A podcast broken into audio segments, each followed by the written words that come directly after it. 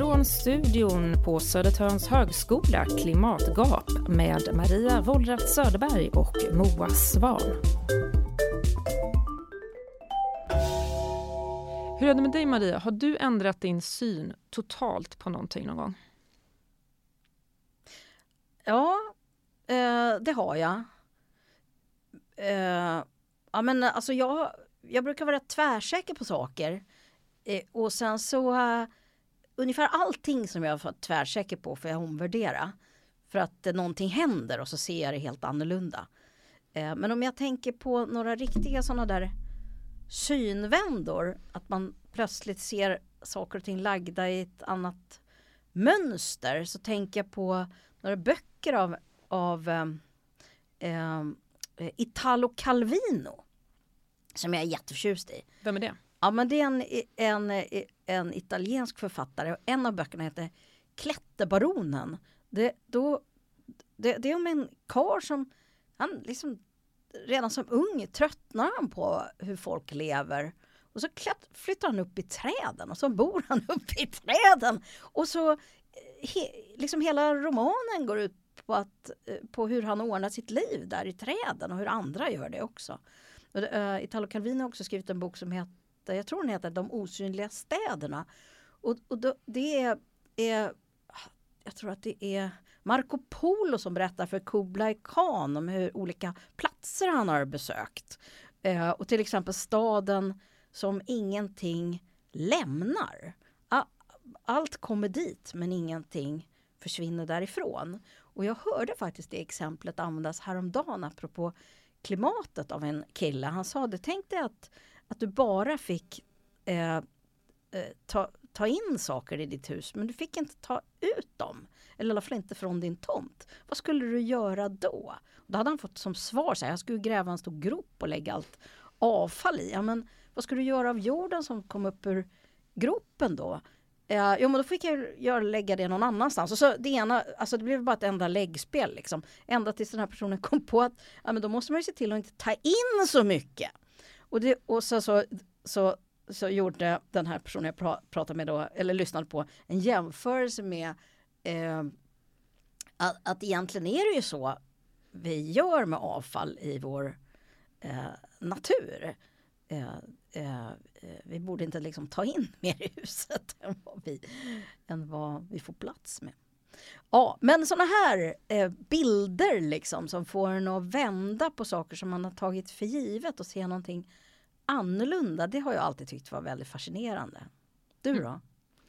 Eh, ja du, alltså jag är ju ganska tvärsäker på mycket och har väldigt svårt att ändra mig i väldigt mycket. Men visst, klimatfrågor och att eh, ju mer man läser om klimat desto mer osäker blir man, så kan jag tycka. Mm. Sen blir jag ju mer och mer säker när jag pratar med dig på att det inte bara funkar med ny miljövänlig teknik utan att vi måste också konsumera mindre energi och mindre prylar. Annars kommer det inte gå. Men du, det är ju en av de jobbigaste såna här perspektivväxlingarna. Det är liksom att få syn på sig själv. Där har man ju som mest motstånd. Eh, och, och, det är himla påträngande liksom att omvärdera det man har tagit för givet själv. Mm. Men vi ska ju prata lite om det här med normkritik idag, eh, Maria. Och då fokusera på normkritisk design. Och det är ju just design som på olika sätt får oss att se saker på nya sätt eller omvärdera, omperspektivera. Och mm. vi har gäster. Ja, eh, vi har med oss en arkitekt och designforskare, Camilla Andersson. Eh, men också en industridesigner och designforskare från KTH, Karin Ernberger. Välkomna hit! Tack så mycket! Känner ni er tvärsäkra nu när ni sitter här och är med? Nej, jag gör aldrig det. Eh, du är lite som jag Karin, att man både kan vara tvärsäker och också bli mer och mer osäker. Ja, men jag tänkte det. Jag går nog mest omkring och eh, är osäker. Eller liksom det här med att man tvärvänder. Jag ser det nog som att så här, jag, kan, jag kan inte vara säker på någonting väldigt skeptisk tror jag. att jag snarare blir förvånad när, när saker och ting stämmer. Eh, jag tror att det är så otroligt, otroligt mycket som vi inte ser eller förstår. Alltså det är ju bara att gå och titta på hur olika man ser på världen runt, eller ser på tillvaron och liksom miljön på olika ställen i Mm. världen. Så att ingenting är ju definitivt. Allt är ju förändligt hela tiden. Och så är vi ju så inlåsta i att vi är människor. Mm. Och vi är människor med mänskliga ögon och men också med eh, en förståelsehorisont som har utvecklats Mm. i ett sammanhang. Liksom, Precis. Som formar vad vi ser. Mm, det är det jag går och tänker på Mm. hela tiden. Att, Mm. eh, jag eh, har en väldigt liksom, begränsad syn Mm. och strävar efter att vidga den hela Mm. tiden. Så att jag tror jag söker mig till liksom annorlunda svar eller att se saker på annorlunda sätt och sådär. Ehm, så jag är inte ett dugg fördomsfull till exempel. Jag vet, det är jobbigt med andra människor som har fördomar. Ja, precis. Det är bara andra som har det. Men hörni, eh, Karin och Camilla. Vi har bjudit in er här därför att ni håller på med normkritisk design med klimatperspektiv. Och då kan man ju undra vad 17 handlar det om och hur går det ihop? både eh, det normkritiska och klimatet bygger ju på att vi har en massa normer som skapar maktrelationer. Och de här maktrelationerna gör ju att vissa har och vissa har inte. Vissa tar och vissa kan inte ta på samma sätt. Och det är ju, vi tar från naturen, vi tar från på andra människors bekostnad. Så att de är ju otroligt tätt eh, förknippade och det här syns ju mer och mer i i olika skrivningar. Att man liksom ser att det so- social hållbarhet och eh, miljömässig hållbarhet är oupplösligt förenade. Men nu har vi fått en, eh, eh, eh, det här är en bra tycker jag beskrivning av hur klimatfrågor och normer hänger ihop. Och Mm. det verkar ju helt rimligt liksom. Eh, och att vi behöver problematisera det. Men design då? Mm. Hur kommer det in? Ja det är ju någonting som jag också tänker att så här, det har ju inte vi pratat så mycket om Nej. Maria. Nej, jag är totalt blind för design. Så jag är väldigt nyfiken. Ja ni får liksom utbilda åt- Mm. oss här. Ja men alltså design är ju, Mm. det skapar ju ramarna till våra handlingar Mm. hela tiden. När vi sitter här nu så är vi påverkade av design, hur mickarna eh, Mm. är placerade och hur vi sitter i stolarna och Mm. så vidare. Så att jag skulle vilja säga att det går inte att bortse från design. Och du sa att du var blind för design men jag tror inte det. Jag tror att du kan designspråket som ett helt flytande. Ja. Men du, du är inte medveten om Jag det. tror att jag går på Mm. det hela ja, tiden. Precis. Ja. Precis. Vad, vad, vad pratar ni om då? Vad skulle det kunna vara som Maria? Ja, men, pratar om. eh, alltså, allt som är designat har ju ett formspråk. Och det här är ju liksom väldigt medvetet gjort för att kila in sig hos olika målgrupper. Det här formspråket appellerar till de som har mindre pengar. Det här appellerar till en, en medveten medelklass och så vidare. Så att det är ju...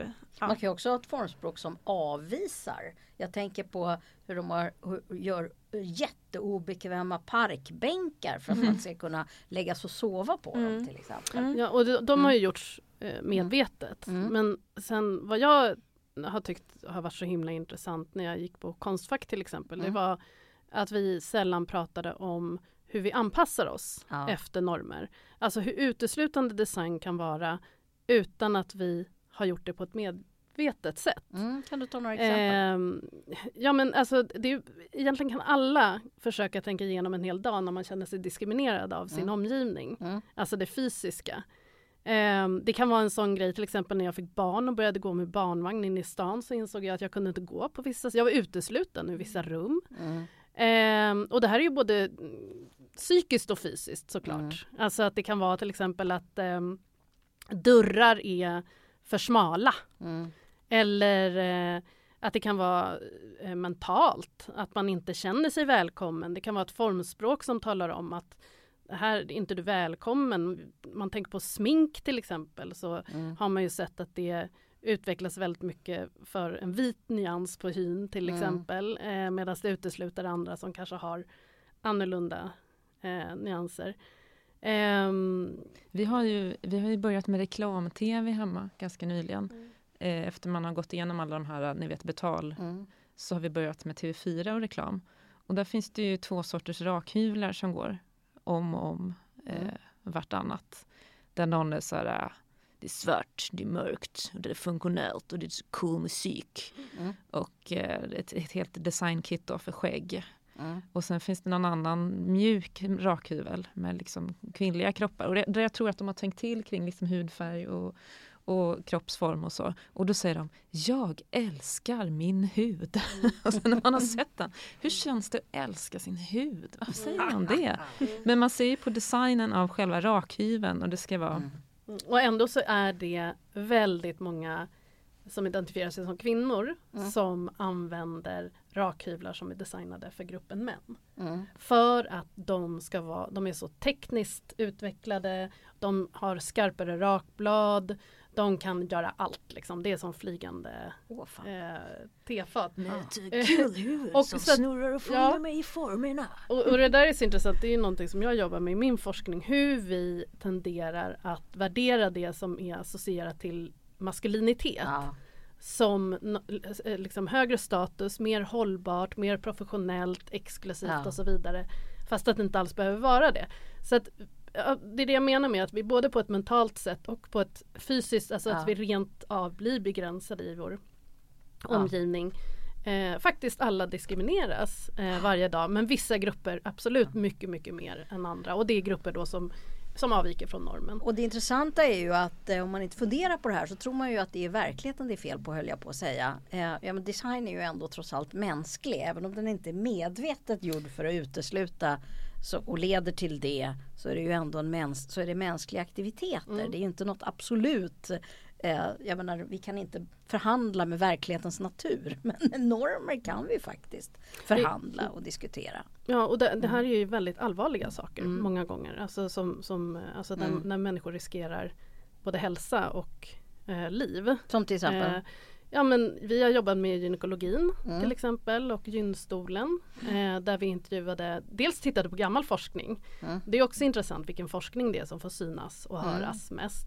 Men det finns forskning ända sedan 70-talet som visar på att eh, många kvinnor Alltså patienter då som ska ligga i gyn, eller förväntas ligga i gynstolen upplever otroligt obehag. Mm. Alltså till den gränsen att man undviker att gå till Ja, gynekologen. det är ju inte ett li- ens livs härligaste stunder. Nej men ändå så accepterar man det. Ja. Och vad många sa som är ett tydligt exempel på Ja. det här att vi anpassar oss efter normer. Ja. Eh, och att ehm, normen i sig blir, alltså det blir en diskriminering Ja. i sig. Att man anpassar sig efter den här normen. Ehm, där man liksom säger då att jo fast det är ju en del av att vara undersökt. Ja. Jag gör det här men vadå det är inte alla som gillar att ligga Men i, jag känner att nu kommer ett men. Istället för att så här, men den här, och så säger de, många uttalanden var också så här, men det, det passar inte min kropp. Nej. Jag är för liten eller jag är för Ja. oflexibel eller jag är eh, för Mm. osmidig. Istället för att nej men det är den här stolen det är fel på. Mm. Den ska ju anpassas efter kropparna. Mm. Eh, jag menar en, en gynpatient är ju liksom inte en fullt funktionell medelålders kvinna. Mm. Utan det är ju alla variabler. Alltså det finns ju Så hur gör man då? så då? lika många kroppar, ja men då får man göra en flexibel konstruktion. Det finns Ja. ju till exempel tandläkarstolar som är mycket mer utvecklade för Aha. olika kroppar. Ehm, I och för sig skulle jag vilja säga att sjukvården generellt Mm. är ganska eh, undermålig vad gäller att anpassa sig efter olika kroppar och olika behov. Mm. Eh, men eh, det är Men det klart här är att det ett projekt funkar. ni har gjort i alla fall med att utveckla någon gynstol som är mycket mer Ja det, det var rätt länge sedan, då gjorde vi en, nej det gjorde vi inte utan Nej. vi jobbar ju normkritiskt. Vi Ja. jobbar ju inte med nya lösningar utan vi gjorde en androstol. Vi Ja. utvecklade en, en eh, undersökningsstol för mä- män, Ja. alltså prostatundersökning. Där vi utgick ifrån, kvinnor fick beskriva hur de kände i gynstolen. Ja. Upplevelsen och sen så, så översatte vi det, deras beskrivningar till Ja. en eh, gynstol för män. Alltså en androstol, andro Ja. betyder ju man på latin. Eh, och så presenterade vi den och då blev den liksom mottagen som då en hämnd mot män. Ah. Och då kan man ju ifrågasätta, okej men vad är gynstolen då, då? Om det här är en hämnd, det här är precis så som kvinnor upplever gynstolen. Men då när man gör det mot en Ja. produkt mot män så är det plötsligt en hämnd och den är fasansfull och så vidare. Och där ser man ju då hur eh, diskriminering har blivit en norm. Men hörru Vi du, förväntas nu, nu, uppleva det här. nu blir det lite komplext här. Och, eh, ja, men jag tror att vi har fått en nyckel till vad ni håller på med men att ni kommer behöva förklara det mycket mer. Men först så måste vi binda ihop det här med klimatet. Ja. Hur, hur gör vi det? Ja, nej men det är ju samma sak, tänker jag. Att vi har en väldigt eh, eh, Du sa ju det Moa, att du hade börjat tänka mer och mer på att det är inte bara tekniska lösningar som, som kan lösa klimatfrågan och så vidare. Vi har ju haft det finns ju normer i liksom hela hur vi diskuterar kring hållbarhet och klimatet. Vi använder ett visst språk. Eh, vi eh, vissa handlingar som är väldigt accepterade som folk tror att oh, nu räddar jag klimatet bara för att jag sopsorterar till exempel. Eh, det finns vissa berättelser som är eh, mer representerade än andra. Eh, och de bygger ofta på ehm, alltså att, att samhället ska fortsätta se ut som det gör idag. Vi vill inte bryta några normer för att vi är så rädda för vad som kan hända. Och det är otroliga krafter i det här. Det har ni säkert pratat om i tidigare avsnitt också. Alltså det handlar ju om pengar, hela liksom kapitalismen som ska rulla. Ehm, och eh, det handlar också om makt såklart. Nej, men jag tänkte också just att eh, som du säger att det är så konsumtionsdrivande. Alltså design är ju det som gör att konsumtionen drivs på hela tiden och snabbare och snabbare. Det kommer nya kollektioner och sådär. Och konsumtionen just är ju en väldigt stor del av klimatkrisen.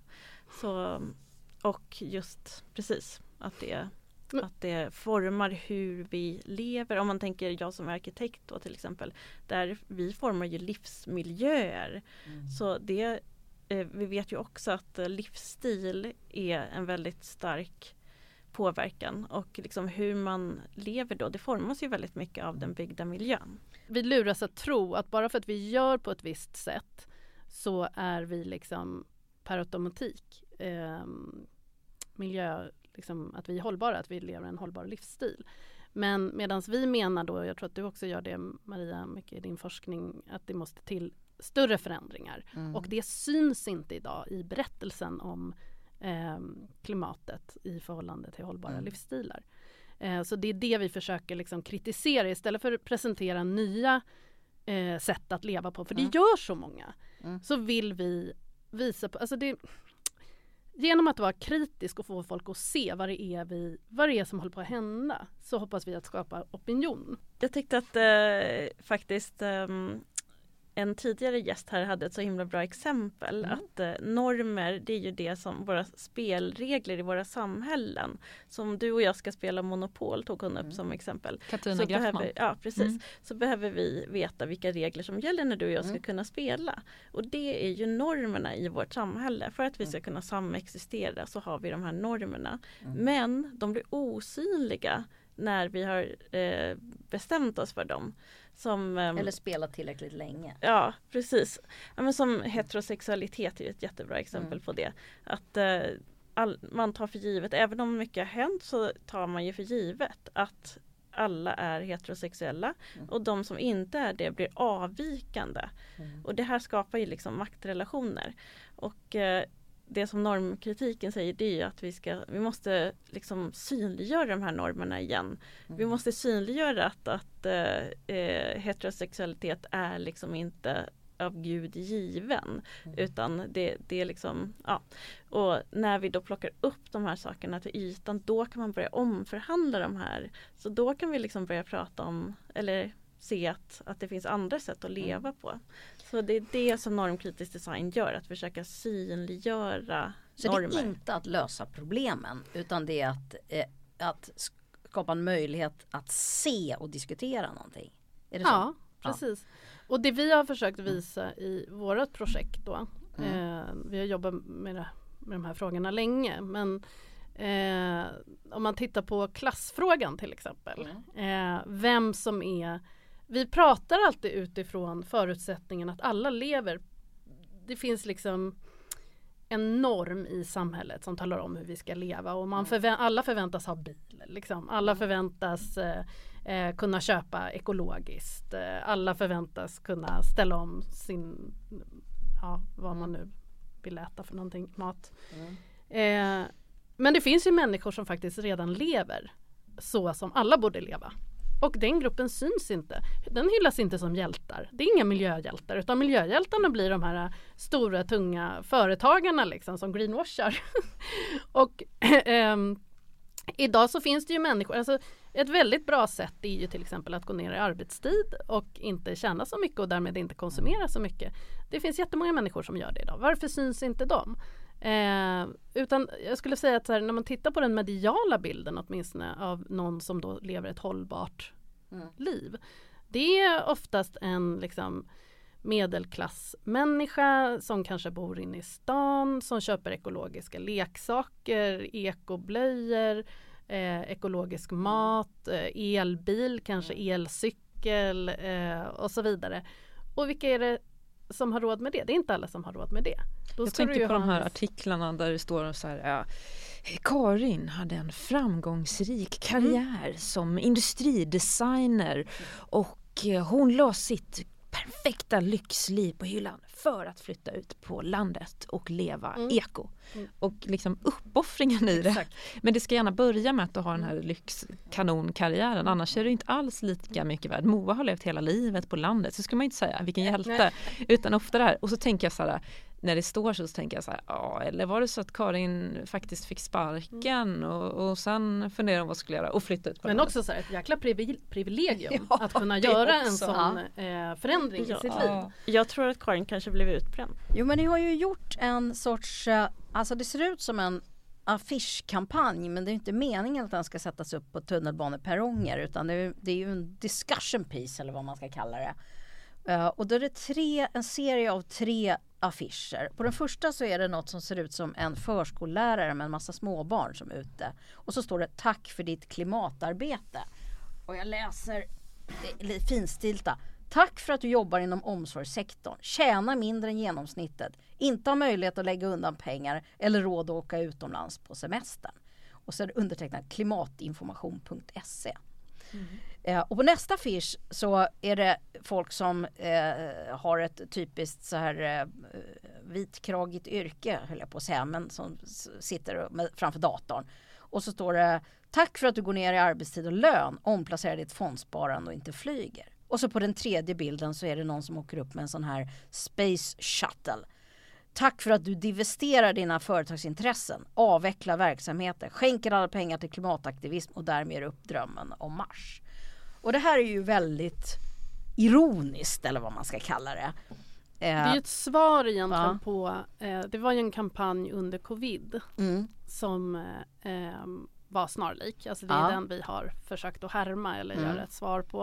Eh, där budskapet var tack för ehm, jag kommer Att du ihåg, jobbar hemifrån och tack för att du eh, handlar på obekväma tider eller särskilda tider Ja. och sådär. Liksom. Eh, att man då tackade eh, medborgarna för Ja. att man eh, gjorde uppoffringar för att inte och då tänker vi att varför inte, hur skulle det se ut om man gjorde det för klimatet då? ja, Eh, och det här är ju ungefär det som skulle krävas då av eh, medborgare från olika- olika samhällsskikt ja. eh, för att kunna bidra. Men det som Lika ni mycket till gör här är ju att ni synliggör de här dramatiska orättvisorna. Mm. Det, och det ironiska, mest ironiska är ju den här Space Shuttle. Man kan ju tänka så här hur mycket eh, den här den här nöjet att eh, som en del företagsledare Elon Musk och andra plan, pla, planerar rymdresor. Hur enorma tusentals ton med utsläpp en sån eh, resa skulle innebära. Och, och just detta att, eh, de, att eh, den här, de här idéerna vi har om vem som är en klimathjälte, är det den som gör som gör de här eh, stora infrastruktur eller teknikutvecklingssprången? Eller är det den som faktiskt stretar på och har låga utsläpp ofrivilligt? Därför man inte har råd med mer. Det tydliggör kopplingen mellan välstånd och eh, eh, klimat på ett väldigt tydligt sätt. Mm, Och på något sätt så blir det också så tydligt där vad man vad man har att, alltså vad man behöver ge upp eller vad man ska säga att eh, ge upp en flygresa till Mars Ja. kanske inte är världens största uppoffring. Men att leva i ett låglöneyrke och bli utsliten och så vidare det är ju liksom de människorna gör ju uppoffringar hela tiden och på samma Mm. sätt de här white collar eh, jobben eh, att det är inte heller jättestora uppoffringar man behöver göra där. Alltså på ett sätt ur ett rent liksom mänskliga behov perspektiv. Mm. Utan det synliggör ju också liksom hur, hur mycket lyx det blir ju högre upp i Mm. Inkomstklasserna man kommer. Samtidigt så verkar det som om de här extravaganserna är, som folk har vant sig vid, det är allra som svårast Mm. att avstå. Mm. Alltså kan det ju inte vara, det är klart man skulle tycka att det var allra svårast att avstå mat på bordet. Eller en grundläggande trygghet, ha någonstans att bo. Men efter känns- nationaldagshelgen så. vet vi väl att det värsta som kan hända är långa köer på På Arlanda. Arlanda ja. Mm, mm. Ah, ja, det är fasansfull tanke. ja. Mm. Men är det det här ni vill uppnå? Att vi äh, reagerar? Ja, jag tänker att en viktig sak är ju för oss också att inte skriva folk på nät, eller liksom vi har inte svaren på allting. Eh, eller vi har inte svaret på det mesta. Men det, så därför är det här liksom ett sätt att om vi synliggör de här sakerna då finns det en mycket större möjlighet för människor att komma samman och diskutera. Okej, det här var ju helt sjukt faktiskt. Vad är det vi har byggt för värld? Och, men att, liksom, att, att diskutera sinsemellan och att komma liksom, fram till hur ska vi göra? Det är ju en demokratisk process som måste byggas liksom, underifrån och sådär. Så att eh, det är inte... Mm, precis, det är just den här diskussionen vi vill ha till. Och vi, vi tror också att man måste stanna vid problemet och diskutera det utifrån många olika perspektiv. För att all, allt för ofta så stressar vi vidare till en lösning och sen en, ytterligare en lösning och vi testar det här. Eh, istället för att stanna upp, vad är det vi håller på med egentligen? Är, hur är det vi lever nu och Mm. vad innebär det? Så att vi stannar kvar vid problemet, vi omprövar en massa olika perspektiv. Ehm, och bör, börja diskutera istället, vad, är det rimligt att vi eh, har drömmar om att eh, flyga till Mars, att eh, liksom ha kommersiella flygningar till Mars eh, när, vi, när läget är som det är. Är det rimligt att eh, eh en eh, Ja, nu har vi inte rest på två år i, i och med covid och det har varit sån otrolig uppoffring, tycker människor. Är det rimligt att man ska tycka det? Att, att det liksom är typ det värsta som kan hända? Så att det är väl lite det, att vi vill komma åt folks känslor och det här liksom att stanna upp lite grann och börja fundera över hur, hur är det vi lever och varför och, och är det hur jag vill leva? Och, och att synliggöra de maktrelationer, liksom gräva i de där maktrelationerna Mm. som ju får, för att förstå vad det här får för konsekvenser för olika människor. För det är ju inte en och samma konsekvens för alla.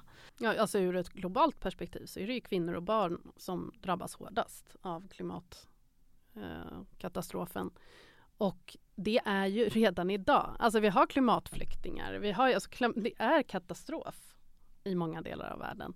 Eh, men vi diskuterar här i, i, liksom, i vårt samhälle så tycker inte vi... Det, alltså klassklyftorna ökar ju mer och mer. Eh, även lokalt. Um, och uh, det måste vi liksom börja diskutera och bädda för. Hur hanterar vi det i framtiden?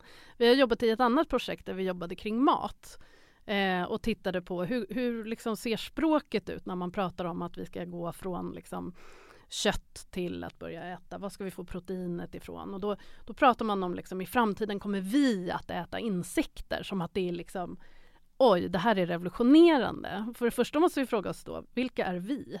Liksom, människan är inte homogen. Och sen också att äta insekter, det gör man liksom på väldigt stor de stora delar av, i väldigt stor delar av världen. Så att det är inte någonting som är eh, normbrytande i sig Mm. egentligen. Eh, ja, nu kommer jag inte på vad jag Men apropå säga. mat. Ni har gjort en, som jag tyckte var väldigt rolig eh, eh, grej. Ni gjorde barnmatsburkar.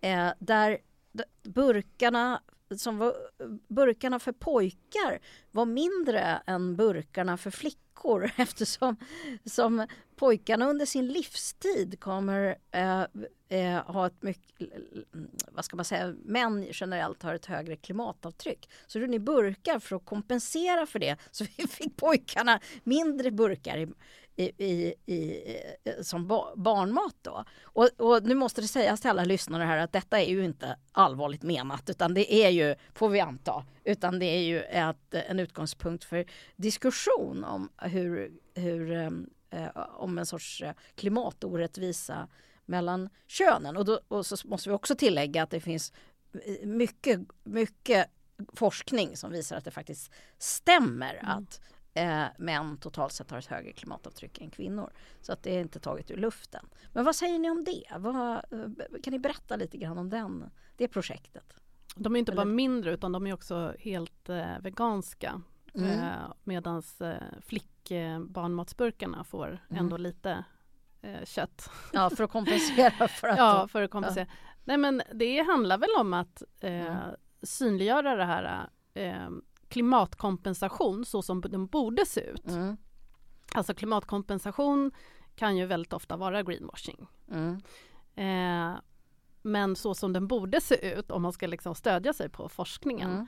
så, så, ställer vi oss frågan då att skulle det här kunna vara ett tänkbart scenario eller liksom skaver det och varför gör det det? Mm. För att om man tycker då att det här är ju jätteobehagligt att vi mm. ska ge, ja men då börjar man liksom kanske gräva i frågan sådär, ja men hur ser en liksom manligt kodad livsstil ut? Mm. Och den är inte så hållbar. Mm. Det är klart att vi inte kan göra liksom olika Mm. Eh, vi kan inte straffa barnen för det här. Men det, just att vi liksom är, agerar i ett sådant sammanhang gör ja. ju att frågan blir väldigt liksom eh, infekterad. Ja. Och då börjar det hända saker. Nej, men så här ja. kan det ju inte se ut. Men om man då liksom Okej, okay, men då tittar vi på hur eh, liksom gruppen män lever. Vänder man på det så ser man att men det är ju så här det har varit för kvinnor i alla år. Att vi har fått hälften av kakan. Liksom. Men då mm. när vi gör det på det här sättet och speciellt också gör det i, riktar oss mot barn mm. så blir det otroligt otänkbart. Mm. Och liksom det börjar skava och det är där vi vill komma åt. Ja, men ni, vill, ni vill egentligen provocera ja. kan man säga. Ja. Eh, så poängen med det här är ju inte, och det här måste sägas igen tror jag därför att vi vi, eh, vi, har ju haft, eh, eh, våra studenter har fått testa ert, eh, era upplägg vid något tillfälle och de hade väldigt svårt, eller det var en jobbig process tror jag, att inte tolka det här som ni hade gjort som en sorts lösningar eller förslag. Och, och om jag förstår det rätt. Eh, och, och jag, jag, antar att ni har mött flera som har tyckt att det är svårt, eller? Ja, alltså mm. det tycker jag, det mm. pekar ju på kraften i design tycker jag. Du ja. sa ju att du var blind för design, ja. men jag tror att det är exakt det där sätter fingret på att vi är så vana vid att design ska producera lösningar så när vi ser ett designat objekt då, då kan inte vi förstå att inte det är verklighet.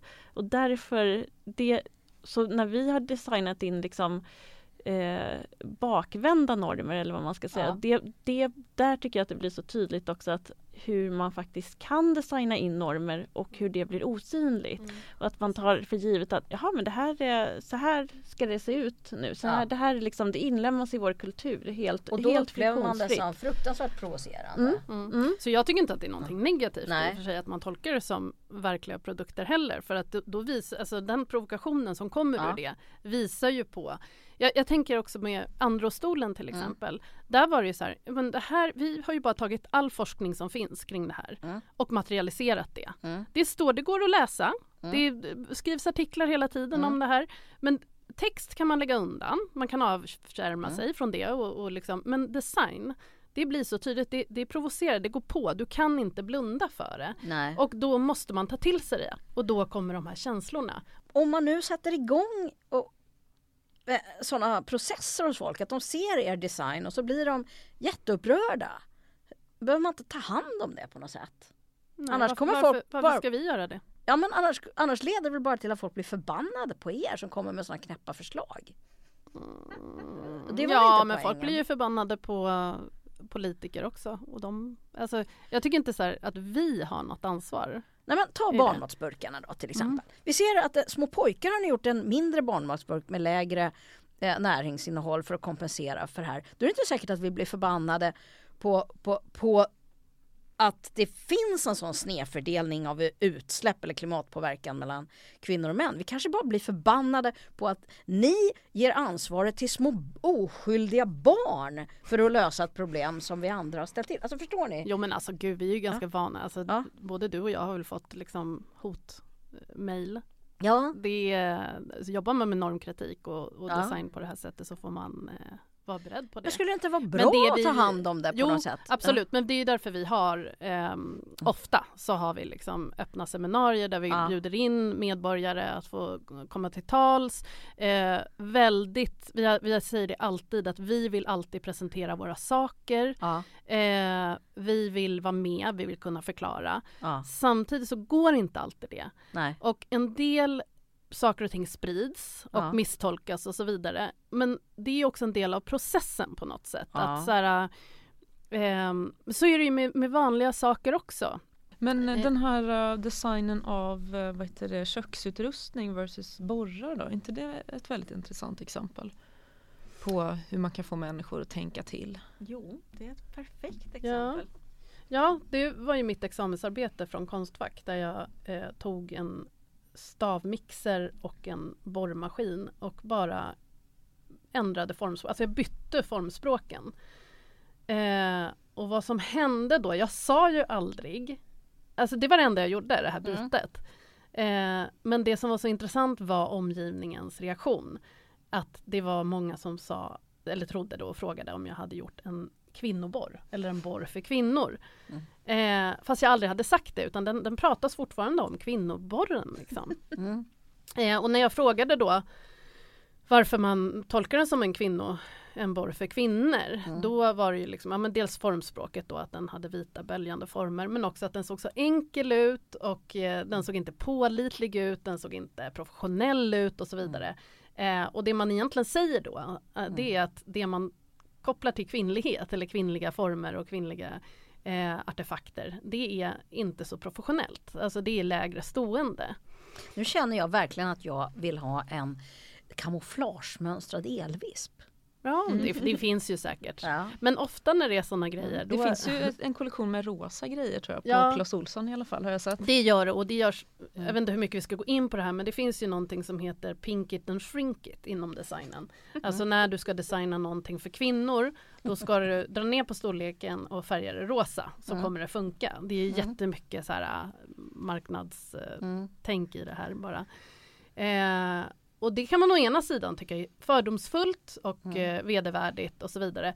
Samtidigt som det ju faktiskt kan vara för vissa en väg in i att Mm. eh, bryta liksom mönster. Att man eh, kanske vågar då eh, våga sig på att hantera verktyg för att man liksom identifierar sig med den. För det, den här kodningen och hur vi sorterar in i liksom för flickor och pojkar, det börjar ju väldigt, väldigt tidigt. Så det är också svårt att, Mm. att jobba mot det och gå Mm. emot den instinkten. Mm.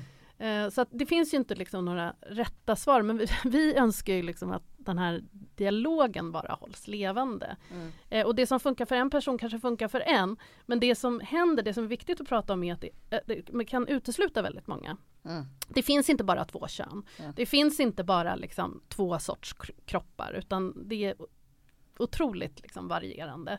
Det finns andra exempel med eh, sovsäckar till exempel där det finns då, eh, det här är ju också en hierarki inom design, att ofta så finns det då en neutral kollektion och sen så finns det yt- ytterligare kollektion för kvinnor eller för flickor men ingenting liksom, och det pekar ju på att mannen är norm, Han, Mm. det, könet behöver inte ens uttalas.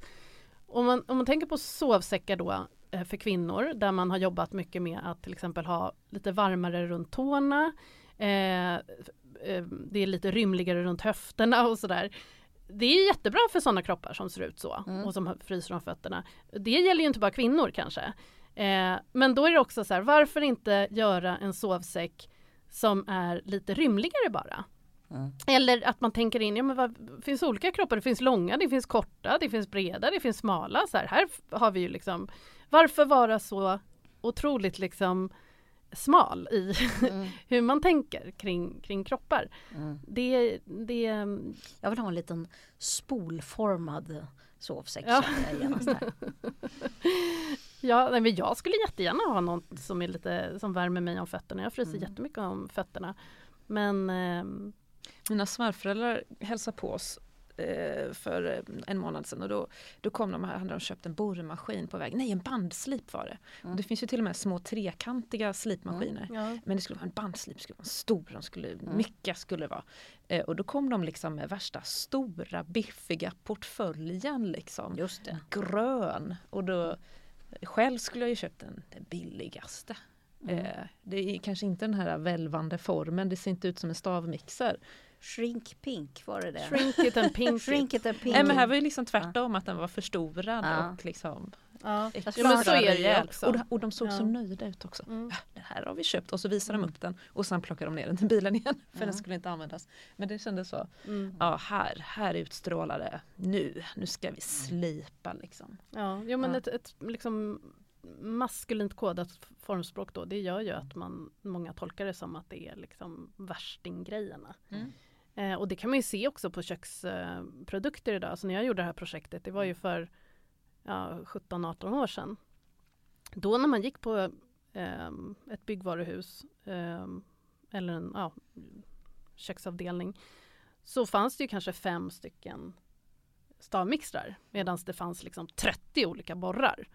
Eh, idag så är det ju, det har ju, kött, alltså, ju fler män som har gått in i liksom ehm, vardagsköket. Mm. Män har ju alltid varit kockar, men liksom professionella kockar. Men ju fler liksom män som har gått in i vardagsköket så, så har det hänt någonting. Det Mm. har liksom blivit, köket har blivit ett ehm, eh, Gadgetutrymme. Ja, och tro, det har bara exploderat. Mm. Eh, och det kan man också se på formspråket. Det har blivit liksom gått mer och mer mot mörkare färger, rostfria ytor och också stav, det finns stavmixrar idag Mm. som levereras i en verktygslåda. Jag har en hemma. Åh fan. som jag Ja. fick när jag disputerade. Mm. Så att väldigt mycket av de här egenskaperna som många önskade. Mm. Alltså jag intervjuade ju också människor om vad man önskade i en Mm. stavmix. För när, vad som händer när man gör så här, man vänder på förhållanden, Mm. det är att man börjar man tillåter sig att tänka i omöjliga eh, banor. Mm. Eh, och jag kommer ihåg, jag pratade med några kvinnor, som, äldre kvinnor som, som sa det, "Ja, men jag blir så irriterad över att de här eh, stålbladen slits ut Mm. så fort. Och jag skulle vilja att de är utbytbara Ja. och fick medhåll. Sådär. Ja men Mm. idag finns det utbytbara Oh. stålblad. Och det beror ju på att män har gått in förmodligen och krävt, alltså man har sett liksom, ja men nu kommer ett ny, nytt behov här och sådana som inte alls är nöjda med hur det är. Och då Medans- kan man nog kanske så blad av en särs, särskild metall. Ja exakt, precis, diamant. Ja. Eh, men vi kan också se hur, eh, jag pratade med en ja, byggfirma om det, att det har blivit ju fler kvinnor också som har gått in och, och liksom ehm, blivit intresserade av hantverkskunnande. Eh, ha, så har ju, de säljer ju eh, till exempel ehm, skruvdragare. Mm. Eh, tio gånger fler skruv, skruv, skruvdragare idag än vad man gjorde Mhm. för tio år sedan. Och ehm, de är oerhört populära. Mm. Och många skruvdragare har ju idag en, liksom är ganska starka också så man Mm. kan borra med dem. Och det är ju eh, någonting man kan börja fundera på. Du pratade om den här bandslipen. Alltså hur ofta använder man saker? Mm. När behöver man en jättetung eh, borrmaskin? Alltså en Mm. slagborrmaskin. Hur ofta använder man den? Där Mm. kommer vi också in på miljön. Eh, hur många gånger om året använder man en sån? Ja, jag har ju bara en sån så därför så använder jag den. Ja. du använder den till att sätta upp Mm. en tavla. Liksom. Och varje gång jag tar fram den känner jag mig lite kraftfull. Liksom. Men om man ser, om man ser bygg, byggjobbare eller folk som jobbar mycket har ju Mm. de ofta lättare grejer just för att Mm. de lyfter och håller på så mycket. Exakt. Mm. Mm. Precis, så det är en ergonomisk Mm. fråga också. Ja, det här var jättespännande. Jag Ja. tycker att vi kan eh, börja fundera du och Maria över egna uppfinningar som vi skulle vilja ha. Jag Mm. skulle vilja ha en, en bil som istället för skogsgrön Mm. visar hur mycket utsläpp det är. Ja, det var ju intressant. Ungefär som SIG-paketen som är skitfula. Ja. Mm. Hur skulle en sån bil se ut? Att man kanske färgade avgaserna, vad sägs om det? Att, att de blir svarta fast inte för att det är farligt utan för att det är färgämne typ. Skulle inte det vara någonting? Så att varje gång man kör med den så bara ser man att det kommer. Så får man skämmas Ja. riktigt ordentligt. Ja. Vi, har, vi har ett annat sånt koncept faktiskt. Ja. Där vi jobbade med eh, plastpåsar. Ja. Som visade på, man fick en speciell plastpåse som visade på totala mängden utsläpp av de varor som man hade handlat. Ah. Så att du skulle gå omkring med den där plastpåsen då på vägen hem från butiken och skämmas liksom att Ja. ja nu har jag förbrukat liksom 40% av min Ja. energi. Vi har ju konstaterat förut i den här podden att eh, eh, skam har en eh, outnyttjad potential även om det inte är okomplicerat Mm. när det gäller omställning. Mm. Mm. Skam eller nudging, både och. Ja. Men, men jag tror också att vi måste det kanske blir bra avslut men jag tänker på så här, all, alla sådana här saker som kritik, skam, ehm, att man är humörsförstörare och så vidare. Jag Mm. tror att det finns en enorm kraft i det. Alltså att vara en riktig så killjoy. Vi behöver killjoys. Mm. Eh, för att allt är inte på topp. Vi, det är hemskt. Det är hemska saker som händer. Mm. Vi står liksom på randen av en katastrof. Så att vi Mm. måste våga jag vet att man ofta pratar om istället för normkritik är det många som vill prata om normkreativitet. Men det är Mm. liksom någonting helt ja, annat. det är något annat. Ehm, Vi- För att så här, måste du vara så negativ och prata Ja. om kritik. Men eh, jag tänker det är något som vi har gjort i den här podden hela tiden. Försökt stanna och rota i smärtpunkterna. Mm. Ehm, och i diskurserna, alltså hur vi pratar om saker och hur vi tänker om saker. Och ehm, eh, det är rätt eh, jobbigt eh, men det är på ett sätt också ehm, vad ska man säga, det är eh, nu jag kommer bara upp en anglicism, empowering, alltså att man får en sorts liksom, kraft och styrka av eh, att göra det också. Jag Mm. tänkte på att du sa Mm. eh, jag är, vill ni provocera? Mm.